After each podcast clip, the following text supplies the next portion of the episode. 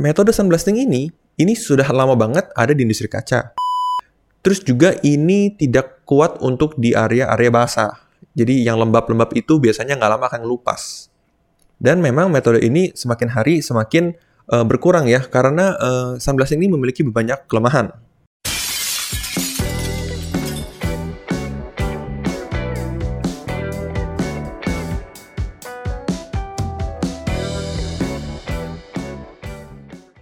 Halo internet, apa kabar semua? Selamat datang kembali di channel Himalaya Badi bersama host dari channel ini saya sendiri Wilson.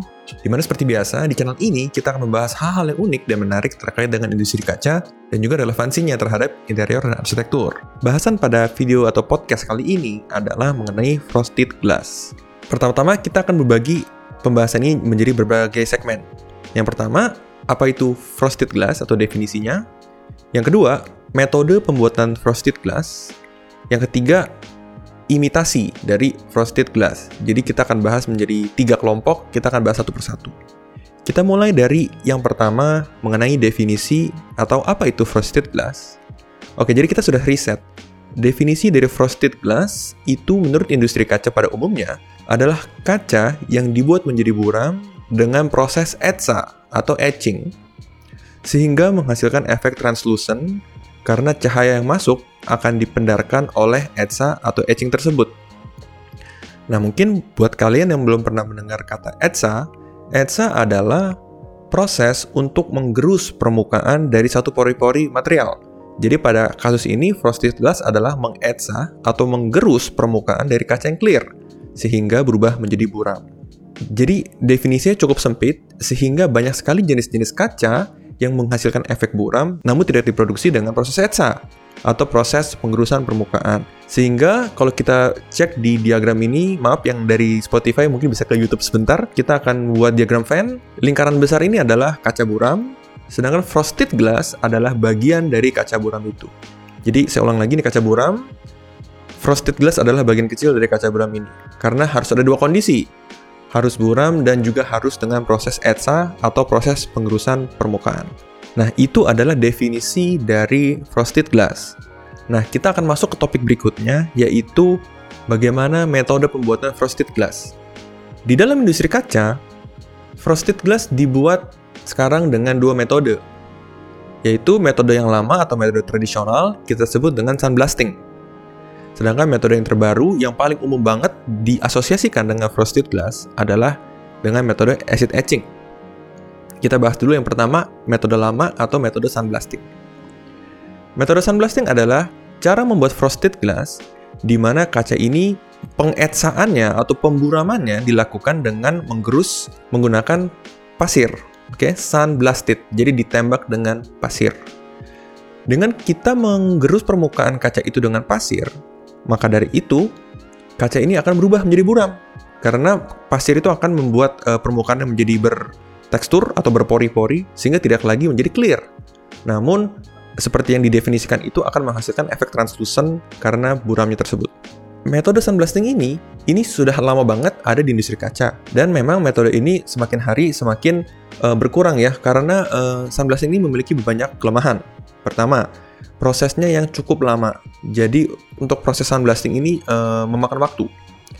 Yang kedua, proses sandblasting ini menghasilkan hasil pemburaman yang tidak konsisten. Yang ketiga, hasil dari sandblasting pada umumnya pori-porinya cukup besar. Dengan demikian, uh, kalau tidak sengaja kita punya tangan itu kotor, kita pegang-pegang di sisi buramnya itu, itu kotoran sulit dibersihkan. Jadi metode ini udah cukup lama, jadi uh, sekarang frosted glass itu cukup diasosiasikan ke metode yang baru, yang kedua, yaitu metode acid etching. Nah, ini adalah segue yang bagus untuk saya menjelaskan mengenai metode acid etching. Balik lagi, ini namanya udah jelas acid uh, atau asam ya, dan etching adalah etsa. Jadi, kaca frosted glass yang dibuat dengan acid etching, ini kita memburamkan atau mengetsa kaca ini dengan proses chemical atau proses kimia.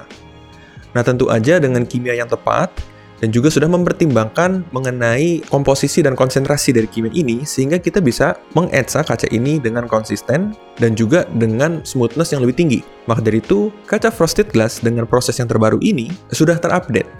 Jadi, kendala-kendala yang ditemukan di kaca sandblasting sudah bisa dieliminir dengan kaca etching. Sebagai contoh, kaca acid etching memiliki permukaan yang smooth, jadi konsisten keburamannya. Yang kedua, karena pori-porinya ini dibuat dengan konsentrasi asam, maka dari itu tangan-tangan iseng yang memiliki kotoran itu ketika menempel ke kaca acid ini lebih mudah dibersihkan jauh ketimbang kaca sandblasting. Dan juga tentu aja proses pembuatannya yang lebih cepat karena ini bisa diproduksi di dalam line juga. Nah, maka dari itu seperti yang saya mention, uh, ketika orang menyebutkan kaca frosted glass itu semakin hari semakin diidentifikasikan dengan kaca acid etching, bukan lagi dengan sandblasting. Nah, kita akan masuk ke topik yang terakhir mengenai edge imitation atau uh, etsa yang diimitasi. Nah, balik lagi saya akan review karena definisi teknis dari frosted glass adalah kaca buram yang prosesnya dilakukan dengan proses etching atau etsa atau menggerus permukaan kaca. Nah, maka dari itu ada banyak sekali kaca-kaca buram yang tadi diagramnya kita bisa tampilkan lagi yang tidak menggunakan metode etsa untuk menghasilkan efek buramnya. Ini yang kita sebut dengan edge imitation atau imitasi etsa. Nah, contohnya apa aja sih yang sering kita temukan di kehidupan sehari-hari ya, eh, kaca buram yang tidak dilakukan dengan real edge. Pertama adalah stiker sunblast. Stiker sunblast kalian sudah pasti tahu banget. Ini adalah stiker materialnya PVC yang kita tempel di atas kaca clear. Sehingga menghasilkan efek buram. Tapi ini bukan kaca frosted karena ini adalah imitasi dengan PVC. Jadi nempelin stiker sehingga kacanya nggak di etsa sama sekali. Nah, maka dari itu tentu aja si stiker sunblast ini e, banyak kelemahan ya, bisa copot, bisa perekatnya lama-lama hitam sehingga ada tanda kutip ileran di ujung-ujungnya. Terus juga ini tidak kuat untuk di area-area basah. Jadi yang lembab-lembab itu biasanya nggak lama akan ngelupas. Maka dari itu e, ini e, saya mention sedikit mengenai stiker sunblast. Yang kedua adalah edge imitation paint. Oke, okay? edge imitation paint adalah proses melakukan pemburaman menyerupai uh, frosted glass tapi dengan cat. ini menarik banget karena dengan cat ini bisa menghasilkan efek-efek buram. Namun balik lagi ini adalah bukan etsa, ini adalah coating.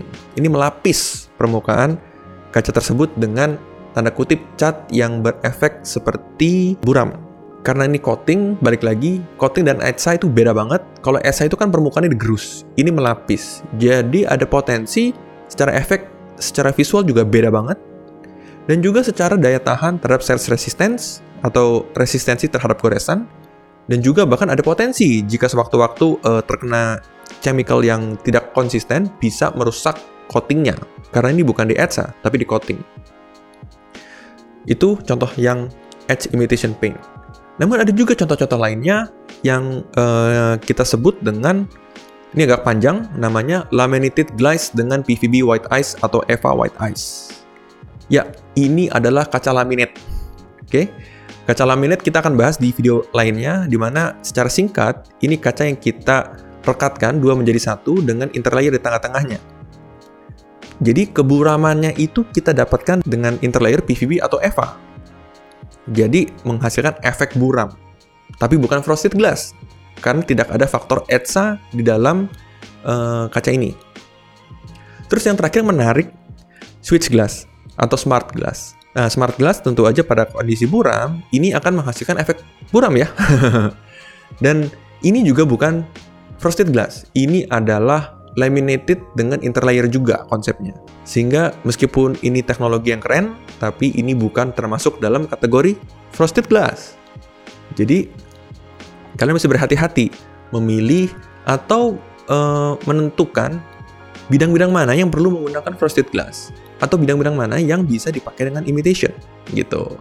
Oke, kesimpulannya saya simpulkan sekali lagi, frosted glass adalah kaca yang dibuat menjadi buram dengan proses etsa atau proses menggerus permukaan. Kita udah jelaskan ada dua metode yang lama-lama uh, akan mengarah ke arah acid etching Tentu aja karena kualitas dan konsistensinya, sehingga frosted glass kebanyakan sekarang diidentifikasikan dengan kaca acid etching.